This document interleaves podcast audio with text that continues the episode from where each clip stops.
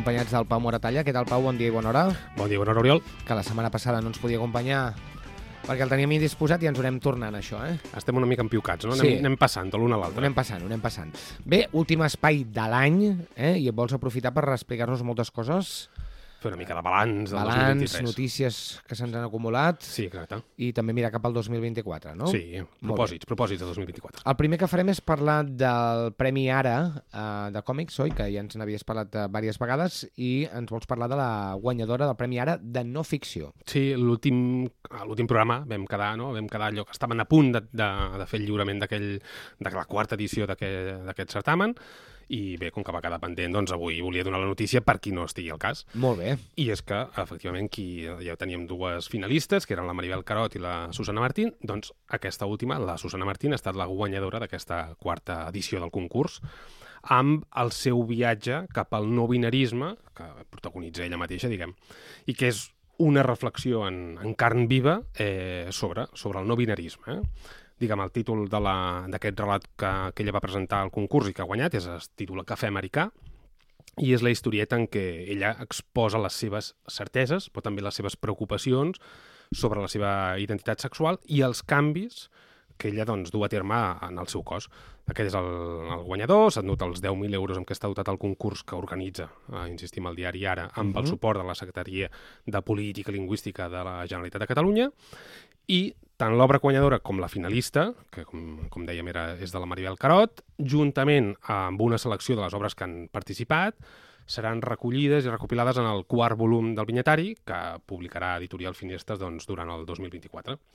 Molt bé, una altra notícia que ens vol comentar el Pau, eh, precisament parlant dels còmics, que es veu que són un fons en constant creixement que obre les portes a nous eh, lectors. Parlem de biblioteques aquí. Sí, ja saps que m'encanta donar aquestes notícies. Això és una notícia que sortia al butlletí de la xarxa de biblioteques de fa un parell de setmanes només, i destacaven que per segon any consecutiu aquest gènere, el gènere del còmic, superarà el milió de préstecs a la xarxa de biblioteques municipals de la Diputació de Barcelona i destacaven doncs, que si el 2022 eh, s'havia arribat al milió de préstecs, el 2023, és a dir, enguany, es confirmava la tendència i destacaven doncs, que cada cop s'estan prestant eh, doncs, al voltant d'uns 100.000 còmics eh, mensuals eh, a les biblioteques de, de la província de Barcelona. Mm -hmm. Ells comptaven fins a octubre, perquè jo ja et dic que això és de fa un parell de setmanes, suposo que al novembre no havien tingut temps de, de comptabilitzar-lo, i fins a l'octubre s'havien fet 1.016.873 préstecs de còmics a 127.700 eh, usuaris diferents.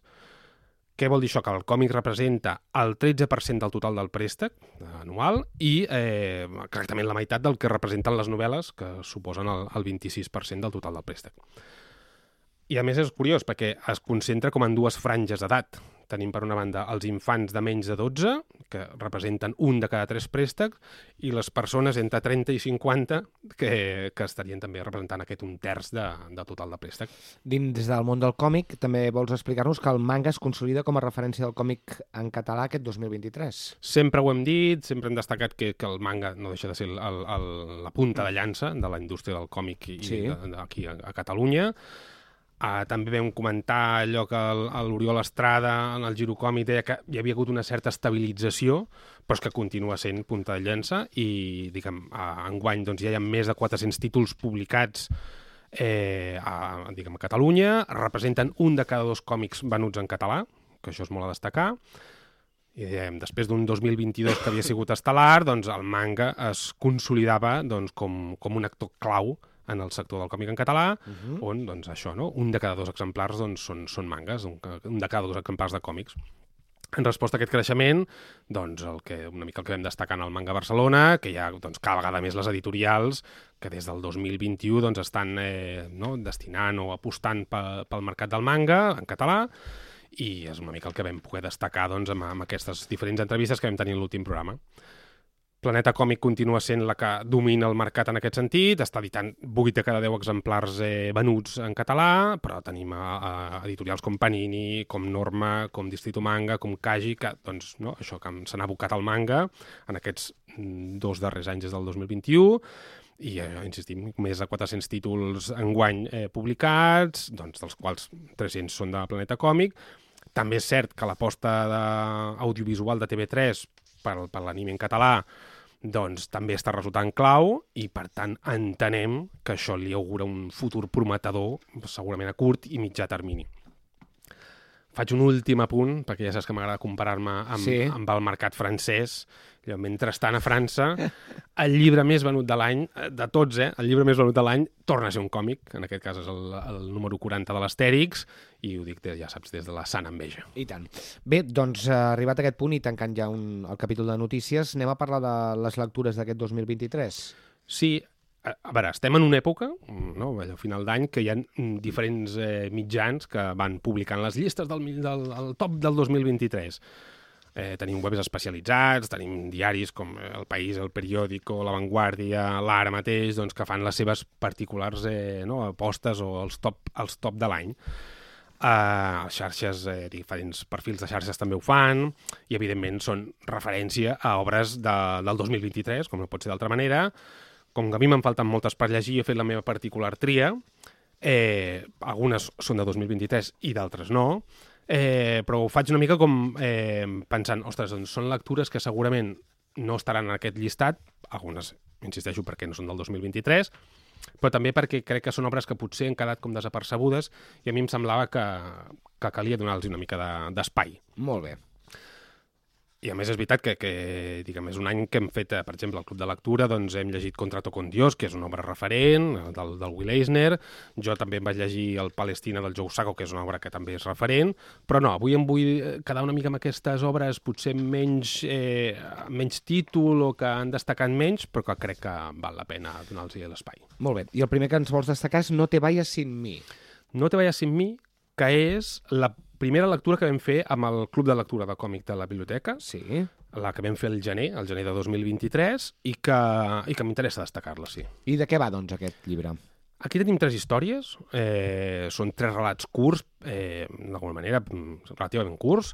Eh, diguem, què, què, venen- què, què ens expliquen? Doncs tenim un que són dues amants que acaben separades en una dimensió paral·lela, Després una altra història que ens diu una nau que funciona amb els records dels, dels, dels, dels qui, la, dels qui la, la, la, de qui estan en aquella nau, per entendre'ns. Doncs una nau que s'avaria al mig de l'espai profund. I una tercera història que ens explica una profecia eh, on una geganta, diuen, es despertarà d'una letargia de segles al fons del mar. Són tres històries curtes, diguem que amb un, potser com molt abstractes, però, però estan tan ben explicades i són tan boniques que jo crec que vam coincidir tots que, que ens havien agradat molt.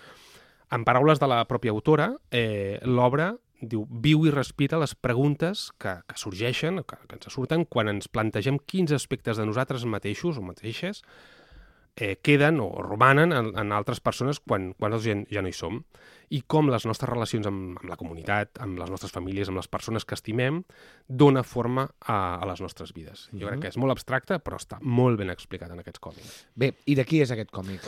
Això, eh, és una, obra, una autora molt jove eh, que es diu Rosemary Valero O'Connell, que és, una, és mig, eh, mig espanyola, mig americana, perquè va viure uns anys a Saragossa, crec que, no sé si el seu pare és d'aquí, la seva mare és americana. És una autora que ja, tot i la seva joventut, ha guanyat diferents premis, eh, diferents els premis Eisner, aquests, els Òscar, diguem, equivalents al món del còmic. En el cas, eh, ho va guanyar per la seva col·laboració amb la Mariko Tamaki, en una obra que es diu Laura Din me ha vuelto dejar, però amb aquest No te vayas sin mi eh, és, és l'autora autora completa. I per què està en aquesta llista, doncs? Com apuntàvem, és la primera lectura que vam fer al, al, al gener. Sí. Jo crec que majoritàriament a, a tots els que vam estar en aquella sessió del Club de Lectura vam coincidir que era això que era una meravella. Els tres relats que conformen l'àlbum per mi són una delícia, eh, són tan bonics com, o sigui, plàsticament com, com narrativament, estan construïts amb molta habilitat, amb molta sensibilitat, i el que em va sorprendre per la, per la joventut de l'autora és que interpel·len a la intel·ligència del, del lector eh, o de la lectora, no? cada pàgina és, és un delit eh, compositiu eh, i les històries, a mi una cosa que no m'havia passat mai, que és les històries atrapen de tal manera que després de cada lectura, després de cada relat, en lloc de continuar, ostres, i ara que el següent que em diu, preferia aturar-me eh, per, per reposar aquesta, aquesta lectura, no? i a mi em va semblar que, que això era una joia. Molt bé. Uh, recomanes per algunes edats determinades? Doncs jo crec que aquesta, eh, a partir dels 16 anys és una molt bona lectura, també per adults, jo crec, però sí, jo crec que 15-16 anys eh, és perfectament una, una lectura molt, molt fàcil. Molt bé. Parlem d'un segon títol, que és Jacob, el treballador de la nit. Sí, mira, aquest és una, una compra totalment inesperada i sorpresa en aquella primera edició de la Jornada del Còmic Català, un còmic que desconeixia absolutament, que no n'havia sentit a parlar, tot i que és de l'any 2021, està publicat aquí per Polen Edicions l'any 2021, finals del 2021, per, per ser exactes, i, i em, em va, ja dic, no en tenia cap referència, allò que em va cridar l'atenció pel dibuix, eh, me'l vaig emportar i he de dir que un èxit total. Uh -huh. Uh, està publicat en català per Polen Edicions, eh, però també en castellà i en euskera eh, per l'editorial Xalaparta, que van fer una col·laboració totes dues editorials, i una en català i l'altra en castellà i en euskera. Bé, i de què va aquest Jacob? Aquest Jacob, el treballador de la nit, és la vida il·lustrada de l'anarquista Alexandre Marius Jacob, que és un Mhm. personatge real, no, no diguem que no és, no és inventat, sinó que és un personatge que va existir, que va tenir una, una vida, doncs, certament inusual, no? Va ser un, diguem, al costat d'un grup que la premsa eh, del moment va denominar els treballadors de la nit, d'aquí el títol, va capgirar la, la França de la Belle Époque, eh, per tant, finals del XIX, principis del segle XX, amb eh, nombroses expropiacions a les famílies més benestants i riques del país. Després d'expropiar, el grup deixava unes notes com sarcàstiques o punyents on explicaven, una mica com estil Robin Hood, que no ho feien per omplir-se les butxaques, sinó per repartir-ho entre les persones i les lluites que més ho necessitaven i per intentar, en deien ells, enderrocar aquella falsa societat. És un personatge que ja dic que no coneixia, tot i que m'interessa molt el tema, un personatge íntegre, intel·ligent, generós, vehement, sensible. És una figura que, que ha fascinat i que s'ha seduït abans i ara i que, diuen, ha estat font d'inspiració del personatge de ficció de l'Arsène Sí. Lupin. Que podeu veure a Netflix, si no vaig errat, eh? Ah, exacte. Molt bé. I de qui és aquest còmic? Uh, és un tàndem que està format eh, per, per un guionista francès que es diu uh, Alexis Nolent, que signa com a Mats, que té diferents còmics signats com a Mats, i il·lustrat per un altre, per un altre artista francès, que és el Leonard Cheminot, i eh, la traducció, que també és una, no, vull destacar perquè, perquè la traducció al català és molt bona, de l'Abel Olit. Molt bé. I per què la tries, aquesta obra? Com deia, o com ja s'intueix, perquè em va encantar, vull dir, malgrat aquesta no, diguem, eh, sorpresa que em va provocar, doncs crec que és una obra fascinant, tant per la temàtica com pel moment històric que retrata, eh, i especialment pel personatge en si. Eh, és un, el dibuix del Cheminot, que és el que més em va treure, em va semblar brillant. Estem parlant d'un còmic franco-belga en aquest cas, però amb composicions, jo diria, més potents o menys clàssiques del que estem acostumats en el còmic franco-belga. I per l'edició de Polen, que crec que és impecable, que fa una aposta de qualitat per un producte que podria ser nínxol i que crec que no mereix ser-ho. Aviam, anem amb més títols, passen dos minuts de tres quarts d'onze, estem a l'espai de Parlem de Còmics i parlant de títols d'aquests darrers mesos. Todavía estoy vivo. Sí, dèiem, aquesta no és una, no és una publicació del, del, 2000, del 2023, és una No. publicació del 2022, però sí que m'havia quedat pendent, i aquesta la vaig agafar a la biblioteca, eh, perquè no, no m'havia passat per alt. Molt bé. I de què va, doncs? Doncs mira, és un... Bueno, tothom segurament coneix el Roberto Saviano, que Sí. és aquest escriptor ita i periodista italià que l'any 2006 va denunciar la camorra napolitana a través de la seva novel·la Comorra i que mm, des d'aleshores el pobre ha hagut de viure protegit les 24 hores al dia. No? Doncs precisament aquest còmic el que fa és un, un retrat íntim, un retrat també descarnat dels seus darrers 15 anys de, de vida, estem parlant del moment de, en què s'escriu el, el, el còmic, de la, de la vida del Roberto Saviano, en què s'ha vist obligat a viure en la clandestinitat, per por que el matin, i per, no, per aquesta amenaça constant de, de mort per, per l'organització mafiosa. Les paraules que expressa no, aquí el Roberto Saviano eh, doncs, dialoguen amb el, amb el traç que a mi m'ha semblat fantàstic i, i molt sobri del, del dibuix, on el protagonista doncs, recorda els dies d'una llibertat perduda, la d'un nen apassionat de les historietes, que gaudia jugant a futbito amb el seu germà, fins a transformar-se en aquest present claustrofòbic, que és el preu que ha de pagar per haver alçat la veu, i que l'obliga a viure doncs, sempre enganxat a la seva escorta, no? als seus escortes. És la vida d'un home ferit, però que, que ell continua lluitant.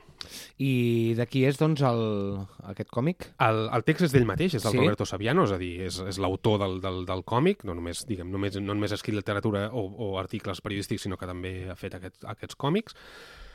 I el dibuix i la, la tinta i els colors eh, són de l'Asaf Hanuka, que és un il·lustrador i caricaturista israelià, que va ser Premi Eisner l'any 2016 per l'edició americana del còmic Cau a Tel Aviv, i que també és molt conegut per haver participat en una obra que segur que coneixeu, que és el Vals a Bashir, que és una pel·lícula documental eh, d'animació realitzada per Larry Folman l'any 2008. I per què ens tries aquesta obra, concretament? Mira, doncs a mi perquè em va, em va estremir, o sigui, em sembla que és un relat estremidor, el tenim el testimoni és totalment aterridor i, i ho aconsegueix transmetre de tal manera que el còmic es llegeix en un, en un tres i no res, jo crec que bona part de la culpa no només és del relat, sinó també del dibuix, que és un, té un estil i una paleta cromàtica molt sòbria, tots dos, que acompanyen a la perfecció doncs, el, el relat del, del periodista italià. No? Jo crec que és potser dels millors còmics que he llegit darrerament, pel que explica i per com ho explica. Afegim més, més propostes. Una, una altra obra que porta parlar un Friday. Sí, aquestes dues últimes que farem sí, sí que són de 2023, Molt bé. mm, a més de publicació recent, i aquest Friday eh, és un, una publicació, ja dic, igual que té un, té un mes potser, eh, publicada en català per Mai Més Llibres i que de moment encara no està editat en castellà. És a dir, de moment a- en castellà és inèdit. De què va Friday? Doncs aquí tenim la protagonista, és la Friday, la Friday Fitzhugh, que és eh, una noia, diguem que es passa la seva vida, eh, o la seva infantesa, millor dit, resolent crims i descobrint secrets ocults i ocultistes amb el seu millor amic, en Lancelot Jones, que és el noi més intel·ligent del món. Però això és el passat. I ara ella, doncs, està estudiant a la universitat.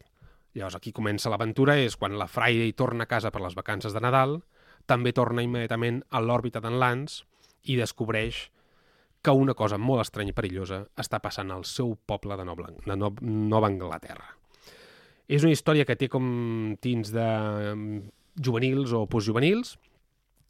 Jo la recomanaria absolutament a partir de, o a lectors i lectores a partir de 16 anys, crec que pot enganxar moltíssim, inclús un pèl més joves també, però crec que està molt, molt, ben, molt ben explicada, molt ben dibuixada i és molt interessant. uh -huh. molt bé. I de qui és aquesta, aquest Friday? Aquí tenim tres autors. Uh, el guió, uh, la part escrita és de l'Ed Brubaker, que és un dels guionistes més aclamats del, del còmic americà, té molts premis Eisner i Harvey, que també són una mica com, com els... No, no són els Oscars, però seria com allò, com els, els, els Globus d'Or. Uh -huh. eh, alguns dels quals amb el, amb el Sean Phillips, amb qui té diferents històries. Això és la part, del, de la part del guió. La part del dibuix i la tinta és del Marcos Martín, que és un autor català que l'any 2013 va cofundar la Panel Syndicate, que és una plataforma online de publicació de còmics. I el color és de la Montse Vicente, que és una il·lustradora i colorista catalana també, que també va fundador, també fundadora amb el Brian Cabogan i amb el, i amb el Marcos Martín de la Panel Syndicate i que està treballant tant per DC, per Marvel, com, com a il·lustradora infantil. També vull destacar aquí la traducció molt polida, molt, molt, vaja, jo crec que clavada, de l'Ernest Riera. Molt bé. I per què la tries? Bàsicament, ja et dic, per, perquè m'ha semblat una obra fascinant, crec que és una lectura d'aquestes que convida... No, no s'acaba la història aquí, en aquest relat, diguem que té continuïtat. Jo crec que com a mínim hi ha dos números més. No sé si n'hi haurà d'altres, però com a mínim eh, està esperat que siguin tres números. M'ha semblat fascinant. Eh, crec que si l'aposta era per ser únicament una lectura juvenil, i ho dic pensant en l'aspecte exterior, diria que no se'n surt, que no se'n surt gaire, perquè a mi, que ja passo llargament de l'adolescència, m'ha atrapat eh, completament pel disseny de personatges, per la narrativa gràfica, pel color, per la traducció també, i, pel, i absolutament pel relat. Eh? Jo em quedo moltíssimes ganes de saber què, què passarà als propers números. Molt bé.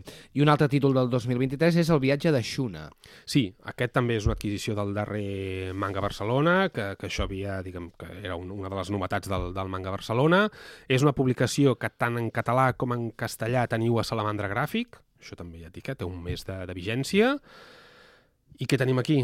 Tenim la història del jove hereu Xuna, que viu en una terra erma i hostil eh, i que passa els dies observant, amb desesperació, com la seva gent, el, diguem, la, la gent, els seus súbdits, treballen fins a l'esgotament perquè eh, no, diguem, estan gairebé morts de gana recollint l'escàs gra que, que creix en els, en els camps on, on es troben.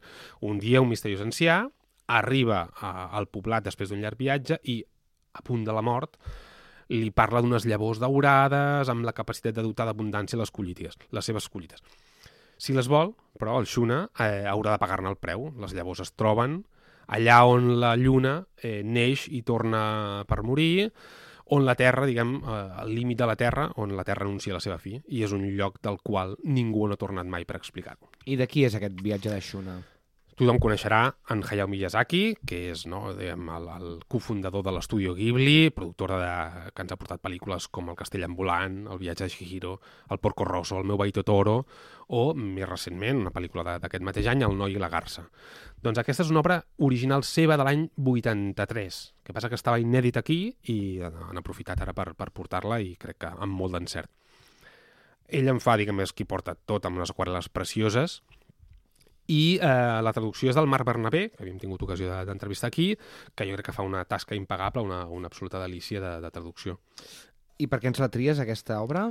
Jo crec que, a més, venen en dates com per, per regalar. Eh, jo crec que és una joia. Eh, és una, a més, és una història que està més a prop del conte il·lustrat que del còmic, ho dic perquè aquelles persones que, que encara diguem, tinguin reticències pel còmic potser és una manera d'entrar-hi, perquè, perquè té més de conte il·lustrat que de còmic, Eh, de fet, en el, en, al Japó ho consideren més com allò que en diuen emonogatari, que és pròpiament el conte il·lustrat, i és una faula que el Miyazaki construeix a partir d'una llegenda tibetana i que l'autor eh, japonès el que fa és portar el, el, el seu terreny amb elements que doncs, hem vist més endavant en moltes de les seves pel·lícules, com La princesa Mononoke o La Nausicaa de la Vall dels Vents.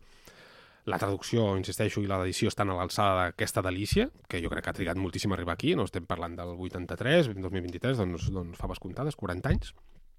És molt recomanable, fins i tot, i insisteixo, o especialment per lectors i lectores doncs, poc eh, habituals de, del, del còmic. Jo crec que és una d'aquestes peticions que han de venir pel rei segur.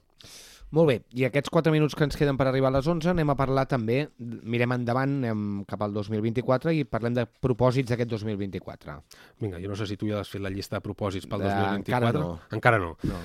Jo els he fet en clau de còmic, eh? evidentment, sí. ja per l'espai he fet en clau de còmic, i a veure, a títol personal, o sigui, a casa meva, diguem, el que intentaré és rebaixar la pila de pendents, sí perquè això mm, ja sé que tots els que ens agrada llegir, tots els, diguem, sigui literatura, sigui còmic, sigui el que sigui, tots ens passa, però jo necessito ja començar a rebaixar la pila de pendents. Aquesta seria el primer propòsit. Sempre estan amb una pila diferenciada, diguem? Mm, no. Els pendents? No, no ja saps a, a, quins són. Sí, a la tauleta en tinc algun, Val. però, però sí, després després en tinc algun endreçat per allà a les estanteries, Correcte. als prestatges. A títol d'aquesta secció, doncs, el meu propòsit és seguir donant la tabarra amb els còmics, no? allò, perseverar, i, i seguir doncs, amb aquesta tasca de doncs, recomanar o de divulgar el còmic eh, en la mesura del possible per picar eh, el cuc eh, als oients i les oients i que aconseguir doncs, això, que s'endinsin en el món del còmic eh, i que li donin una oportunitat. Molt bé. I a títol del Club de Lectura, que això també crec que, que, que ens eh, n'hem de fer ressò, doncs jo crec que per una banda recuperar alguns participants que aquestes últimes sessions no han pogut venir per diferents circumstàncies, jo crec que, que necessitem que tornin, els trobem a faltar, i eh, evidentment doncs, convidar el, els oients i les oients d'aquest programa doncs, eh, doncs això, a que s'animin a, a venir, eh, perquè així doncs, podrem créixer, podem ampliar el nombre de participants i seguir oferint lectures que jo crec que estan sent molt interessants, que estan donant lloc a a sessions encara encara més interessants. Molt bé, la propera sessió de lectura de còmics? La tenim, ostres, ara mates, perquè crec que és el 18. 18 de gener. Uh, si, si, cauen, si cauen dilluns és el 18, ara, no, ara m'has matat. ja, ja ho parlarem. Ho recordarem al proper programa. Bona entrada d'any, doncs. Bona entrada d'any i llegiu còmics. I que et porti molts còmics. Igualment, gràcies.